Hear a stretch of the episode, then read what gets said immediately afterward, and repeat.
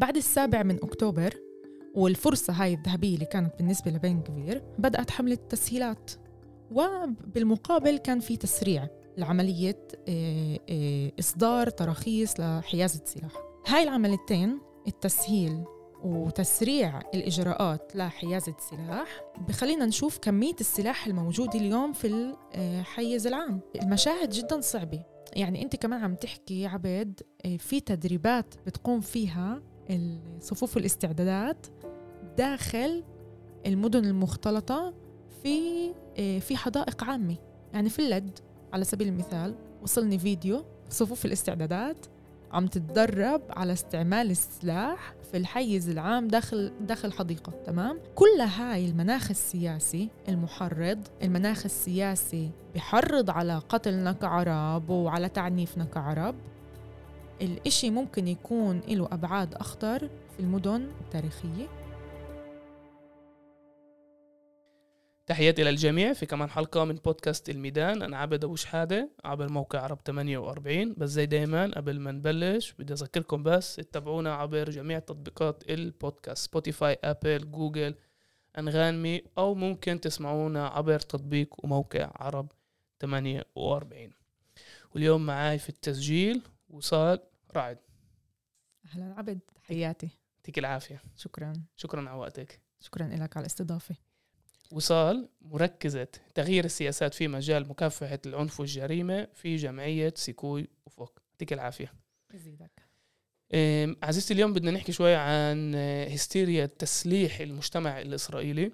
ما بعد سبعة عشرة بس ممكن كان شوي قبل بس رح نحكي عن هذا الموضوع. بعد أحداث سبعة عشرة الحكومة الإسرائيلية تحديدا الوزير بن جفير المسؤول عن الشرطة وعن آه، الأمن الداخلي آه، بيطلع بتصريحات اللي بيطلب فيها عمليا تسهيل تسليح المجتمع الإسرائيلي. بهالحلقة بدنا نحكي عن تأثير هذا التسليح كمان على العنف والجريمة والمجتمع الفلسطيني في الداخل كمان في المستوطنات كمان بالمجتمع الإسرائيلي. وكمان عن كيف هذا السلاح كمان بيهدد النساء بين إذا كانت عربيات فلسطينيات أو بين إذا كانت آه، يهوديات. بس قبل بدي تعطينا هيك شوي معلومات وهيك تدخلنا شوي بالصورة لما إحنا بنحكي عن عن تسليح المجتمع الإسرائيلي عن كم قطعة سلاح وإيش إيه الأرقام بتدل عن هاي الظاهرة. طيب أول إشي موضوع كل موضوع التسليح والسلاح في إسرائيل ما هو موضوع جديد. يعني هو موضوع آه، إحنا بنشهده من زمان. الفرق الوحيد اللي موجود إسا بهاي الفترة هو إنه في أحداث السابع من أكتوبر الإسرائيليين شعروا إنهم فقدوا كل معنى آه، الأمن والأمان. فطلعت مشاعر خوف طلعت مشاعر حاجة إنه يرجع هاي الشعور بالأمان عن طريق التزود بالسلاح وحماية أنفسهن بأنفسهن. اللي صار إنه بنغفير وزير الأمن القومي استغل هاي الفرصة شافها كأنها فرصة ذهبية بالنسبة له لا تعوض وقرر إنه آه، يعمل كثير من التسهيلات ويسرع عملية التسليح. إحنا بنحكي اليوم على آه، آه، سلاح موجود بين إيدين مدنيين. طبعا أنا في هاي الحلقة ما بحكي على سلاح اللي هو في إيد الجيش ولا في إيد الشرطة. أنا عم بحكي بس آه، تسليح المدنيين آه، بطريقة اللي هي قانونية واحيانا بطريقة غير قانونية. يعني هذا غير السلاح اللي بنشوفه مع جنود الاحتياط. أنت بتحكي كمان سلاح خاص. سلاح خاص للمدنيين ما لهش علاقة في الجيش. طبعا. يعني بالإضافة يعني. بالإضافة. ولكن أحيانا هناك مدنيين بيتطوعوا في صفوف الاستعدادات ما يسمى بكيتوت كونينوت اللي هناك آه، بيكون في حوزتهن سلاح آه، آه، خطر جدا اللي هو بندقية ام 16 لكن السلاح اللي هو مرخص وهو خاص إحنا بنحكي على على الأغلب هو على فرد على مسدس اللي هو أقل كأنه خطورة ولكن أنا ما بشوف إنه في سلاح اللي هو يعني مش خطر أو أقل خطورة. كل سلاح هو قاتل كل سلاح إجا ليقتل وليرتكب جريمة معينة. فبعد السابع من أكتوبر والفرصة هاي الذهبية اللي كانت بالنسبة لبن كبير آه، بدت بدأت حملة تسهيلات وبالمقابل كان في تسريع لعملية آه، آه، إصدار تراخيص لحيازة سلاح. هاي العمليتين التسهيل وتسريع الإجراءات لحيازة سلاح آه، بخلينا نشوف كمية السلاح الموجودة اليوم في الحيز العام. بتروح على مطاعم بتروح على مستشفيات على مجمعات تجارية على مقاهي حتى على حدائق مفتوحة جامعات. اليوم موجود السلاح بكل محل بكل مكان. كفير قرر إنه آه، آه، يجند أكبر عدد ممكن من العمال لصالح هيئة آه، ترخيص السلاح الناري. جند عمال من الكنيست فتح ما يسمى حتى بحمال غرفة طوارئ بالكنيست وجند عمال بالكنيست لحتى يقوموا بالعمل لصالح هاي الهيئة هيئة ترخيص السلاح الناري. إيه، طبعا الإشي توقف لأنه يخترق القانون ويخترق الصلاحيات. إيه، وما اكتفى بهيك. كمان جند فتيات الخدمة المدنية ليقوموا بوظيفة الموظف اللي مؤتمن إنه يرخص سلاح. فتخيل إحنا عم نحكي على فتيات اللي عمرهن 17 18 19 عام اللي ما عندهن ولا أي خبرة بهاي الموضوع وحتى خبرة حياتية ما عندهن ليجوا ويقوموا بدور مسؤول اللي المفروض يرخص سلاح طبعا كمان آه، كل عمل هاي المتطوعات اللي في الخدمة المدنية توقفت. كان في هناك أصوات من نواب في الكنيست مثل يواب سيجالوفيتش وكارين الهرار وغيرهن. فتح تحقيق بهاي الأحداث واعتبروها يعني آه، أمر غير قانوني واختراق للصلاحيات. يعني هاي الناس مش مخولة إنها عمليا تقوم بهاي الوظيفة. طبعا اليوم ما انفتحش تحقيق. آه، وهيك شفنا إحنا إنه في زيادة وتسارع بعملية ترخيص السلاح. وبالمقابل كان في تسهيلات. فإذا إحنا أنا نحكي عن شوية هيك معطيات ومعطيات مقارنة وهاي المعطيات وفقا لجلسة في لجنة شؤون رقابة الدولة ووفقا كمان لمركز البحث والمعلومات التابع للكنيست. بتقول المعطيات أنه في سنة 2022 كان هناك 42073 طلب لحيازة السلاح. من هاي الطلبات تمت الموافقة والمصادقة على 13530 طلب بينما منذ بداية الحرب لحد, لحد هذا اليوم في عمليا 300 ألف طلب لحيازة رخصة أوه. سلاح. يعني إحنا عم نحكي عن فرق شاسع. وأنا ما عم بشمل ألف بالمية. يعني إحنا من يعني تقريبا السبع أضعاف. تقريبا السبع أضعاف إذا جينا نحكي بالنسب. تمت المصادقة على 55 ألف طلب تقريبا. وهذا بيعادل أربع أضعاف مقارنة مع عام 2022 وأنا ما عم بحكي منذ بداية عام 2023 أنا فقط أتحدث منذ بداية الحرب وحتى هذا اليوم حتى يومنا هذا.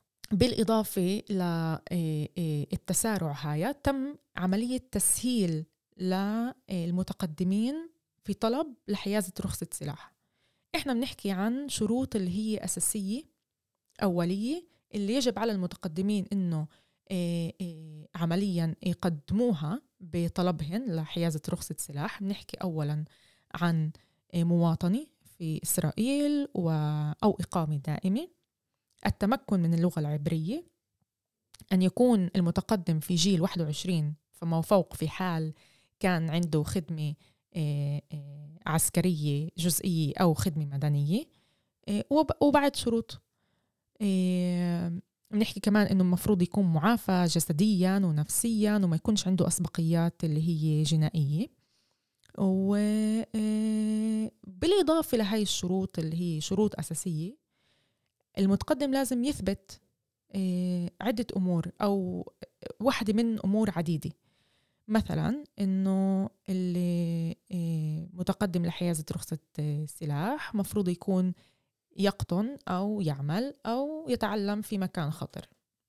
بالإضافة لكل هذا تمت توسيع ولاحقا رح أقول وين كانت التسهيلات. أنا بس عم بحكي حاليا عن الشروط الأساسية. تم توسيع رقعة المستحقين لحيازة السلاح. يعني اليوم دخل مثلا المتطوعين في مادة نجم الدود الحمراء المسعفين اللي ما كان يعني ما كانوا ضمن هاي القائمة اللي المستحقين لحيازة السلاح. يعني هدول اللي لازم ينقذوا الناس اليوم مسلحين وبيقدروا يطخوا ناس كمان. للأسف. للأسف. فإحنا بنحكي إذا بعد ما حكينا هيك عن آه، عن الشروط اللي هي أساسية آه، بنحكي على صيرورة معينة. بعد ما بعد ما المتقدم يقدم كل هاي الطلب مع المستندات المطلوبة منه بتم إجراء مقابلة. هاي المقابلة المفروض تكون وجاهية. أنا كمتقدم ملزم أو ملزمة لأنه في كثير كمان نساء اليوم عم بتتقدم ل في بتقدم طلبات لحيازة سلاح ملزمة إني أكون بمقابلة وجاهية. ولكن هاي المقابلة اليوم استبدلت بمقابلة هاتفية. تخيل؟ يعني يعني يعني صراحة شيء مضحك شوية يعني إحنا بنحكي على سلاح بنحكي على ظروف آه، سياسية متوترة بنحكي على الناس اللي موجودين بأزمة يعني بعد آه، سبعة عشرة. ودولة بتسلحهم بظروف نفسية كتير صعبة وبتسهل التسليح. وزلام ونساء يعني عشان هي بتسهل عليهن وبتسهل على حالها. طبعا أنت تخيل لما يكون في آه، مقابلة هاتفية فكل هاي البيروقراطيا إنك والوقت عمليا واستنزاف الطاقات في إنه يكون في مقابلة وجاهيه هاي كله آه، إحنا بنختصره على حالنا وببساطة مقابلة هاتفية واصلا أنا مش عارف مين اللي قدامي على التلفون. أنا ما بعرف مين اللي في الجهة الأخرى. تمام؟ تعرف إيش بخوف باللي بتحكي؟ إذا هلا بدي أعد عدد المواطنين اليهود الإسرائيليين مسجلين مواطنين 10 مليون 1.6 مليون هدول فلسطينيين في الداخل. إذا بنعد الجنود الاحتياط بنعد الجنود الموجودين في الجيش ومسلحين. آه، إذا بننزل من هذا الرقم المسنين والأطفال والمسجونين بالمعطيات هاي يعني الكل مسلح. الكل مسلح. آه طبعا إحنا أنا أنا اللي ذكرته المعطيات اللي ذكرتها ما بتتطرق لكل اللي معهن سلاح وكل اللي معهن رخص سلاح لأنه إحنا عم نحكي بس بهاي الفترة. أنا ما بعرف مين كان أو ما بعرف المعطيات اللي كانت من قبل سنين. هي موجودة هي معطيات موجودة ولكن هي حاليا مش معي. وأنا ما يعني ما ذكرتها. ولكن الأرقام جدا كبيرة وجدا مخيفة. إيه إيه فكان هاي تسهيل إضافي إنه يكون في مقابلة هاتفية إيه، بدل مقابلة اللي هي وجاهية وبعد هاي المقابلة طبعا الهاتفية إذا إيه، مر المتقدم هاي إيه، المرحلة فهو بيتقدم لمرحلة ثانية وفيها كأنه مصادقة مشروطة بدفع رسوم معينة وبخض تدريب معين اللي هو عبارة عن أربع ساعات ونصف. كتر خيره فيه عملي وفيه نظري. خلال هاي الأربع ساعات ونص هو بيقوم آه، في التدريب آه، وبعدها امتحان وإذا نجح بالامتحان بروح بيشتري السلاح وبعدها بتوصله الرخصة على البيت.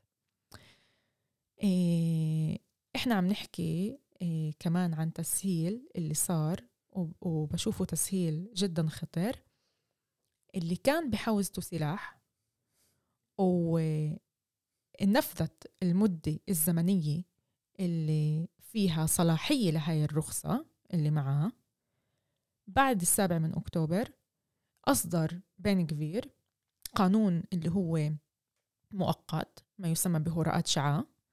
ومن خلال هاي القانون اللي معه بحوزته سلاح ورخصة سلاح هذه الرخصة تتجدد بشكل فوري وتلقائي بدون ما يعمل تحديث. حديت أبريل نيسان من العام الجاري.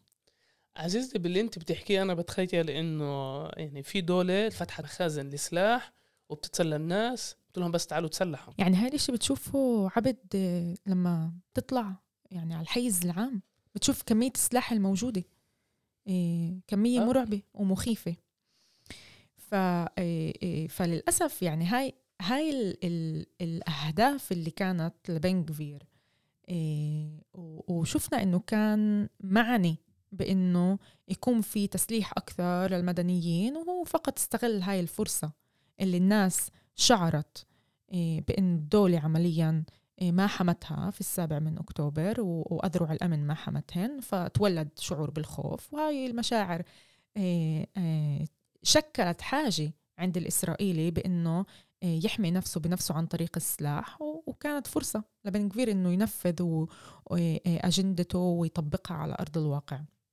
عدا عن إذا بنحكي عن صفوف الاستعدادات اللي هي أصلا الفكرة اللي فكر فيها بن كبير وكانت جزء من الائتلافات الحكومية. حكى عن الحرس القومي. ف ف فاستغل كمان هاي النقطة و... وعمليا فتح عدة صفوف كهذه من ضمنها في المدن المختلطة اللي هي لا تعرف آه، وفق إسرائيل طبعا. كأنها مناطق آه، آه، أمنية هتنقول اللي فيها ممكن يكون اعتداء من خارج حدود الدولة. أوكي يعني غير التسليح زي ما أنت ذكرتي المحاولة بن كفير تأسيس ميليشيات مسلحة الحرس القومي بيستغل هاي الفرصة. طبعا مش كلهم جزء من هاي من الحرس القومي. ولكن جزء من هاي السلاح توصل لإيدين الناس الإيديولوجيين اللي بدهم ياخذوا القانون لإيديهم. يعني غير الشرطة نحكي على كمان آه، مجموعات مسلحة اللي مفروض تحافظ على الأمن وهاي الأفكار اللي تعززت بعد هبة الكرامة. الكرامة يعني في استغلال مش بس تسليح مش بس تسليح المجتمع كمان للميليشيات أو الحرس القومي هاي اللي حكى فيه بن بالداخل تحديدا. تسليح هاي الميليشيات ممكن يكون أول إشي من إيه، مدنيين اللي تقدموا لحيازة رخصة سلاح وطبعا إيه، إيه، مرقوا كل هاي السيرورة وطبعا اشتروا سلاح وحصلوا على رخصة. ممكن يكون كمان سلاح اللي هو غير قانوني بدون رخصة. فأنا ما بعرف الميليشيات هاي شو ب إيش بحوزتها. أو ممكن كمان حتى يعني يكون ضمن هاي الميليشيات مدنيين اللي آه، هن آه، ممكن يخدموا في خدمة الاحتياط أو في صفوف الاستعدادات. آه، ف فكل شيء جايز. ومبارح كان في عمليا جلسة بالكنيست بأحد بإحدى اللجان اللي تحدثت عن هذا الموضوع عن موضوع الميليشيات والمجموعات المسلحة بشكل غير قانوني. عزيزي بدي نحكي شوي عن عن الكنيست وتحديدا عن اعضاء الكنيست الإسرائيليين. يعني مش لازم الواحد يكون عبقري عشان يفهم إنه يعني هاي السلاح بالآخر رح تضر كمان المجتمع الإسرائيلي ومش صحي كمان يكون هالقد كتير سلاح في الحيز العام. إيش ممكن تقولي لنا على مواقف الأعضاء الكنيست اليهود من بداية الحرب لحتى اليوم بخص هاي السلاح؟ أول إشي يعني زي ما حكيت المعادلة جدا بسيطة. ما بدهاش كثير تفكير. أكثر سلاح بالحيز العام أكثر سلاح بإيدين المدنيين أكثر عنف أكثر جريمة. هاي هي المعادلة. وطبعا يعني في أبحاث وفي تقارير اللي أثبتت هاي المعادلة. في تقارير في تقرير صدر عن جمعية أو ائتلاف المسدس على طاولة المطبخ اللي بيثبت إنه كل ما كان في سلاح أكثر كان في ارتفاع وازدياد أكثر في موضوع العنف والجريمة. عم نشوف اليوم كثير مشاهد عنف وجريمة مش بس بمجتمعنا العربي إنما على مستوى كل المجتمع الإسرائيلي. أعضاء الكنيست وكمان موظفين في مؤسسات في الدولة ببداية ببداية هاي الظاهرة أعربوا عن قلقهن. وفي قسم منهن طبعا آه، اللي ندد وكان صوت واضح إنه هاي هاي السيرورة اللي إحنا ماشيين فيها وهاي الظاهرة رح تعود علينا بالخسائر ورح تعود علينا بالضرر. إيه هاي الأصوات أنا سمعتها بجلسات بالكنيست وسرعان ما هاي الأصوات بدت إيه إيه إيه يكون يعني ما بطلنا نسمعها زي أول. وصرنا أكثر نسمع إنه تمام إحنا مش ضد السلاح يعني إحنا مش مش ضد إنه المدنيين يتسلحوا ولكن دعوا نعمل الإجراءات بشكل قانوني أكثر وبشكل صارم أكثر وتحت رقابة يعني مش زي ما إسا بن كبير عم بيعملها. فهاي آه فهاي بدل على إنه في خوف حتى عند الناس و... و... وعند نواب معينين اللي كانوا بالأول ضد بشكل واضح وبعدين إيه وجدوا إنه المناخ السياسي والحالة اللي هن موجودين فيها صوتهن مش مسموع ومش بس مش مسموع الناس لا ترغب الإسرائيليين لا يرغبوا بسماع هاي الأصوات. بسبب كمان مرة الشعورهن بالخوف. إنه إحنا بدنا نتسلح. إحنا بدنا يكون معنا سلاح. نحافظ على حالنا. يعني برأيكم كان في أو في هناك إجماع إسرائيلي بده هذا السلاح بغض النظر من المواقف السياسية والأحزاب المختلفة؟ كله بده سلاح. يعني. يعني ما سمعتش ما سمعتش صوت قال إيه إيه مؤخرا إنه إيه تعالوا نمنع السلاح رغم إنه في في أصوات بتقول أنا بد ما بدنا يكون في سلاح إيه إيه منتشر بهاي الكمية وبهاي الطريقة ولكن تعال يكون بإجراءات اللي هي أكثر صارمة وفق القانون. وممكن يكون في ناس تندد وتقول وفي جمعيات وفي مجتمع مدني وجمعيات حقوقية ونسوية اللي بتقول إنه إحنا ضد بشكل تام إنه يكون في سلاح.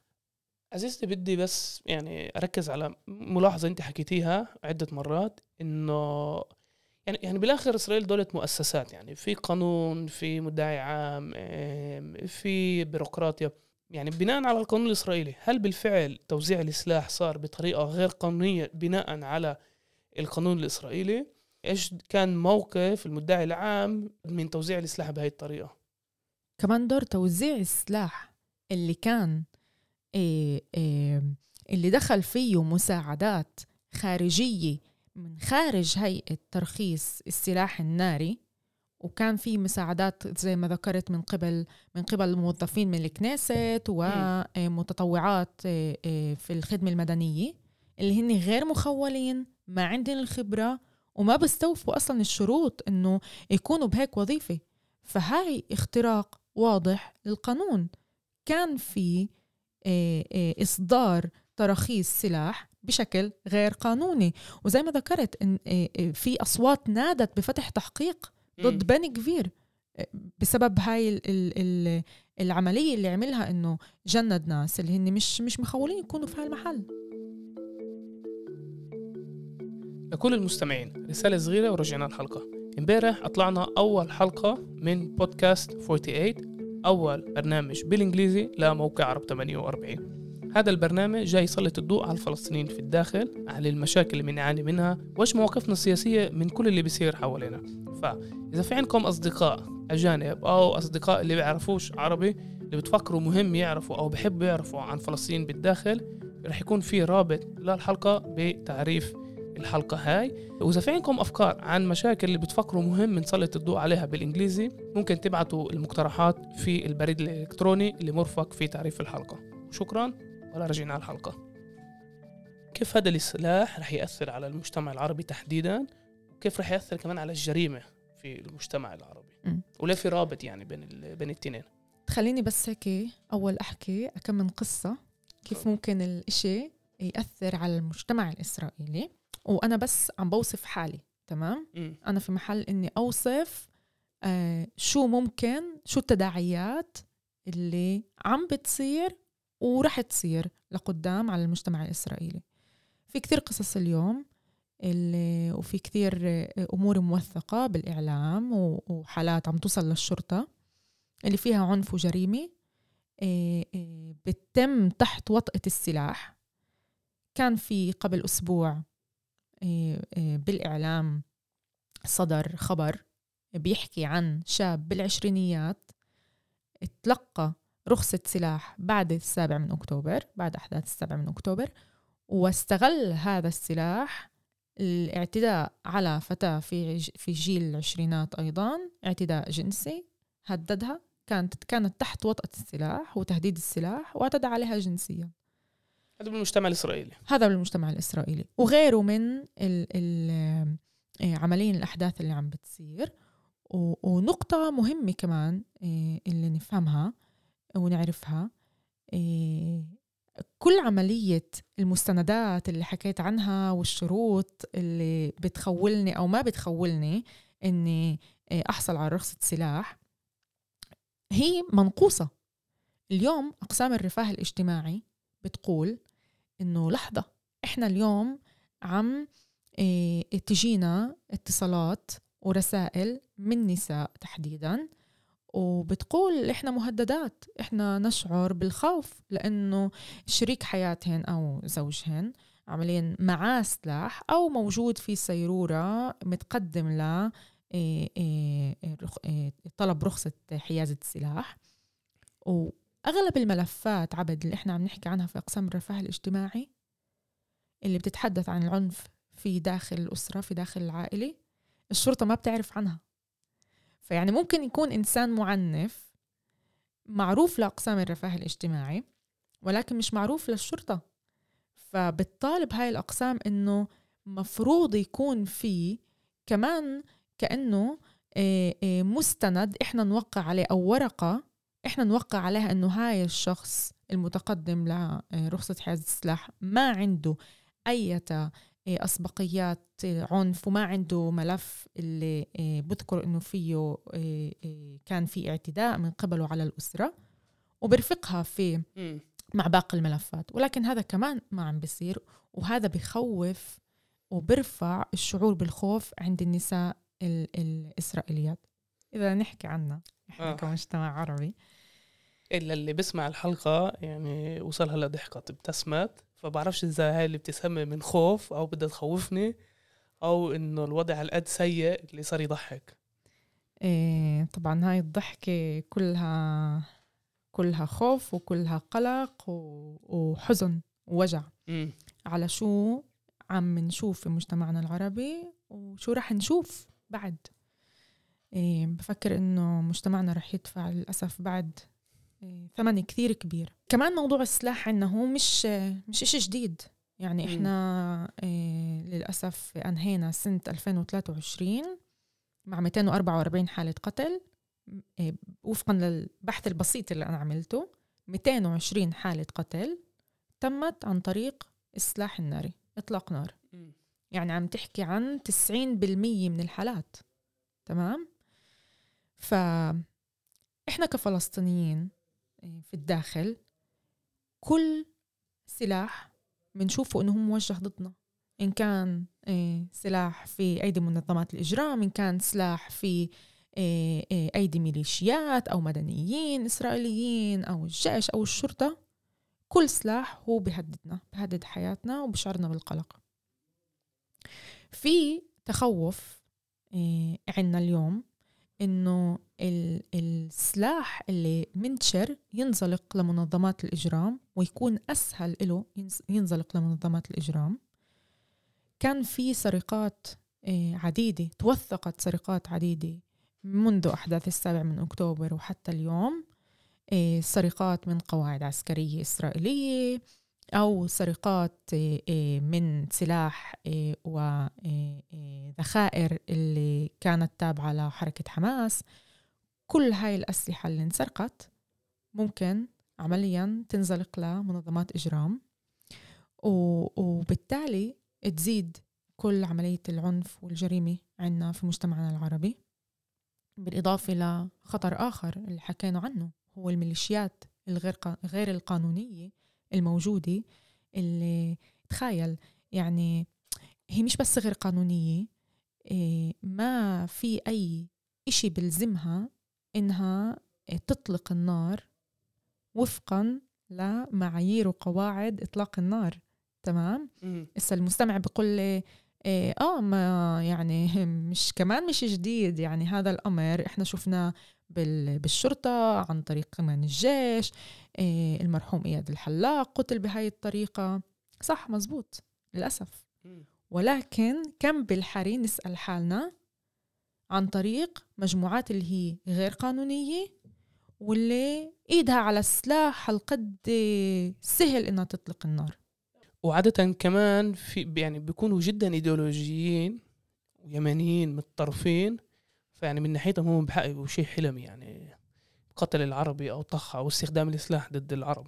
آه طبعا. يعني مجرد إنه أنت شكلك عربي ممكن يوقفك يستوجبك إيه، إيه، يحكي لك إيه، وين هويتك وممكن يشوفك كخطر فقط لمجرد إنه شكلك عربي. فأنت بتشكل خطر عليه. عزيزتي بدي نحكي يعني بدنا نغطي بدي نغطي كتير يعني كتير مواضيع بتخص هاي ظاهرة التسليح. حكينا عن المجتمع الإسرائيلي حكينا شوي عن العنف والجريمة. كيف راح يأثر على مناطق 67 تحديدا بالضفة؟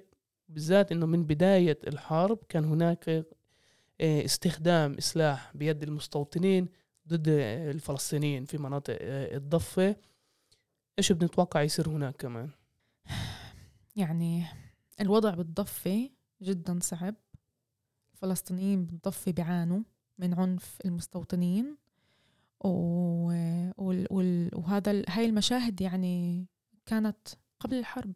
م. ولكن كمان دور بعد الحرب الإشي عم باخد أبعاد أكبر وأبعاد أوسع.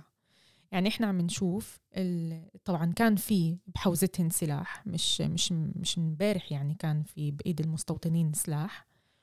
ولكن اللي عم بيصير إنه المستوطنين قسم منهن اليوم عم بخدم في خدمة الاحتياط بروح مع سلاحه على المستوطنة وبقوم بتهديد آه، الفلسطينيين بالضفة الغربية تحت آه، يعني لما بيكون بحوزته سلاح وبيكون بلباس بلباس العسكري.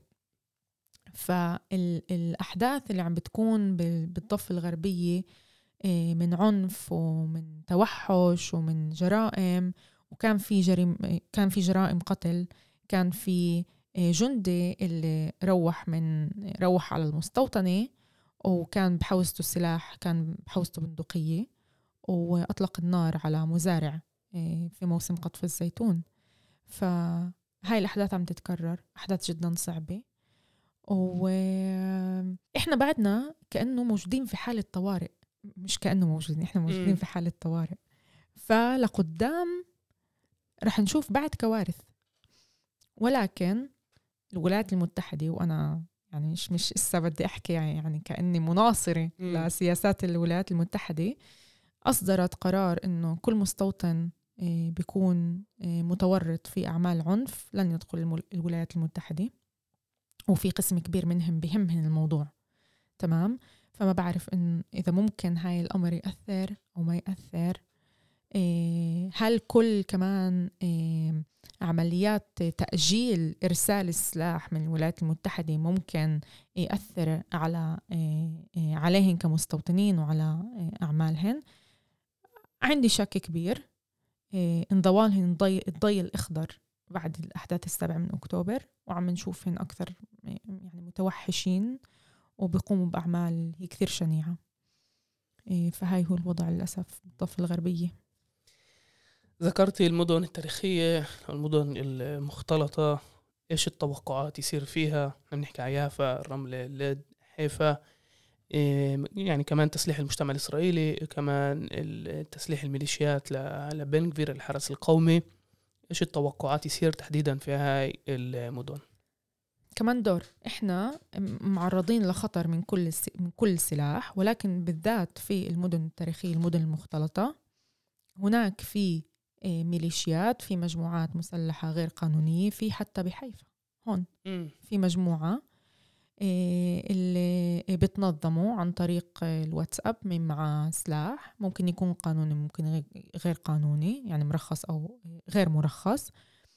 آه، وشفنا كمان أحداث من منذ بداية الحرب. كان في عن طريق صفوف الاستعدادات حتى مش عن طريق الميليشيات هاي.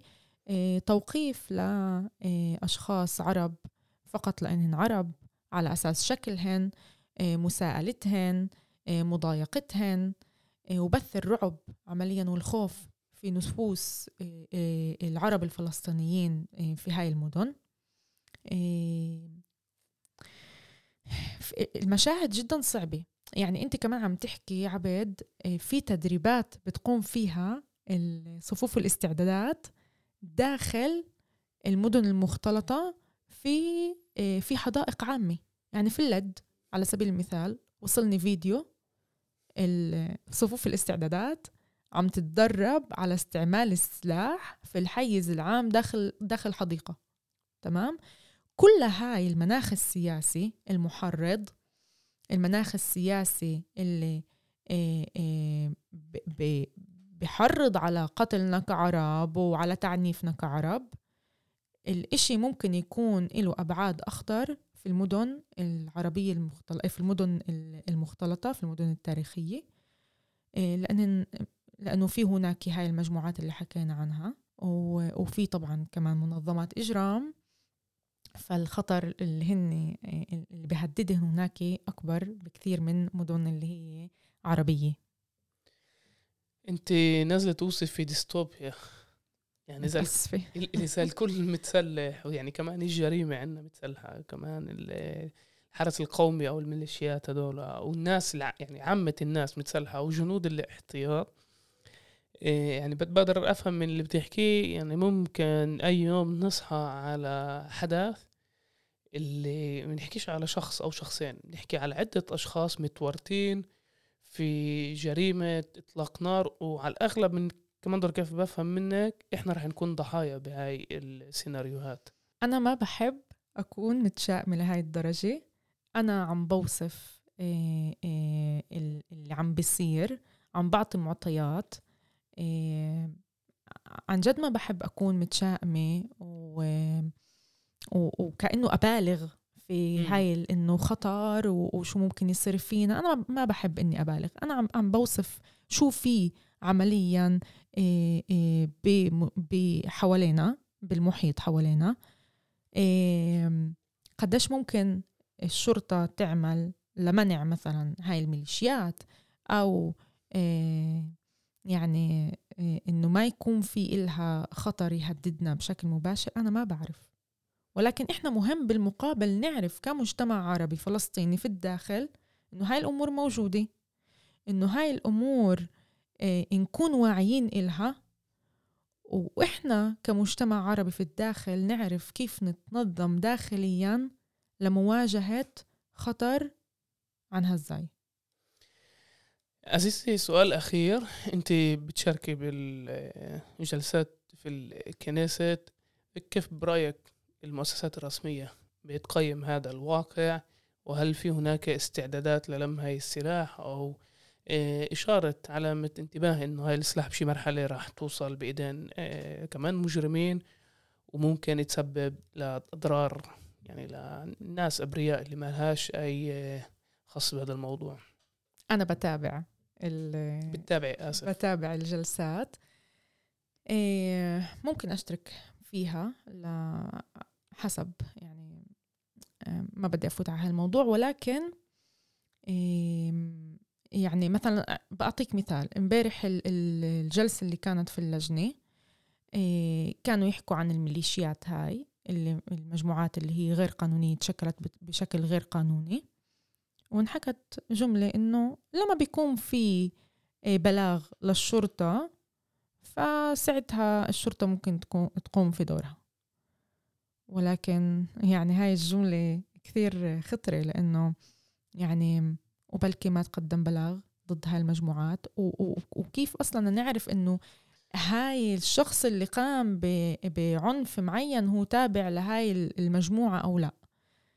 فمن ناحية إيه، إيه، ما بعرف قديش مؤسسات الدولة عندها الاستعداد إنها إيه، توقف هاي المجموعات. وكمان مش بس توقف يعني مش بس يكون في رادع وعشان يكون في رادع أصلا هل في تقدم لائحة اتهام لحدا منظم بهيك مجموعة؟ ومش صعب على فكرة يعرفوا مين بهيك مجموعات ووين موجودة هاي المجموعات. هل قدم لائحة اتهام؟ هل أدين شخص معين؟ لحد اليوم لا أنا ما سمعتش على الأقل تمام؟ ولا بال ولا بال آه، بالجلسة انحكى عن هيك موضوع. إيه ولكن عندي إيه إيه بفكر إنه ممكن مؤسسات الدولة تشعر بإنه هاي الموضوع رح يكلفها ثمن كثير كبير على المجتمع الإسرائيلي. رح يدفع ثمن. وممكن ساعتها إيه إيه تقوم بإجراءات اللي تلغي هاي المجموعات. فبتأمل يعني. وكله يمكن. وكله يمكن. وصال يعطيك العافية عزيزي. شكرا على وقتك. شكرا على الاستضافة. هاي كانت آه، كمان حلقة من بودكاست الميدان. بتأمل إنه ما بتأمل إنه أنا ما خوفتش بأسئلتي بس زي دايما ما تنسوش تتابعونا عبر جميع تطبيقات البودكاست Spotify Apple Google أنغامي بتلاقونا هناك أو ممكن تتابعونا عبر تطبيق وموقع عرب 48 يعطيك العافية. شكرا.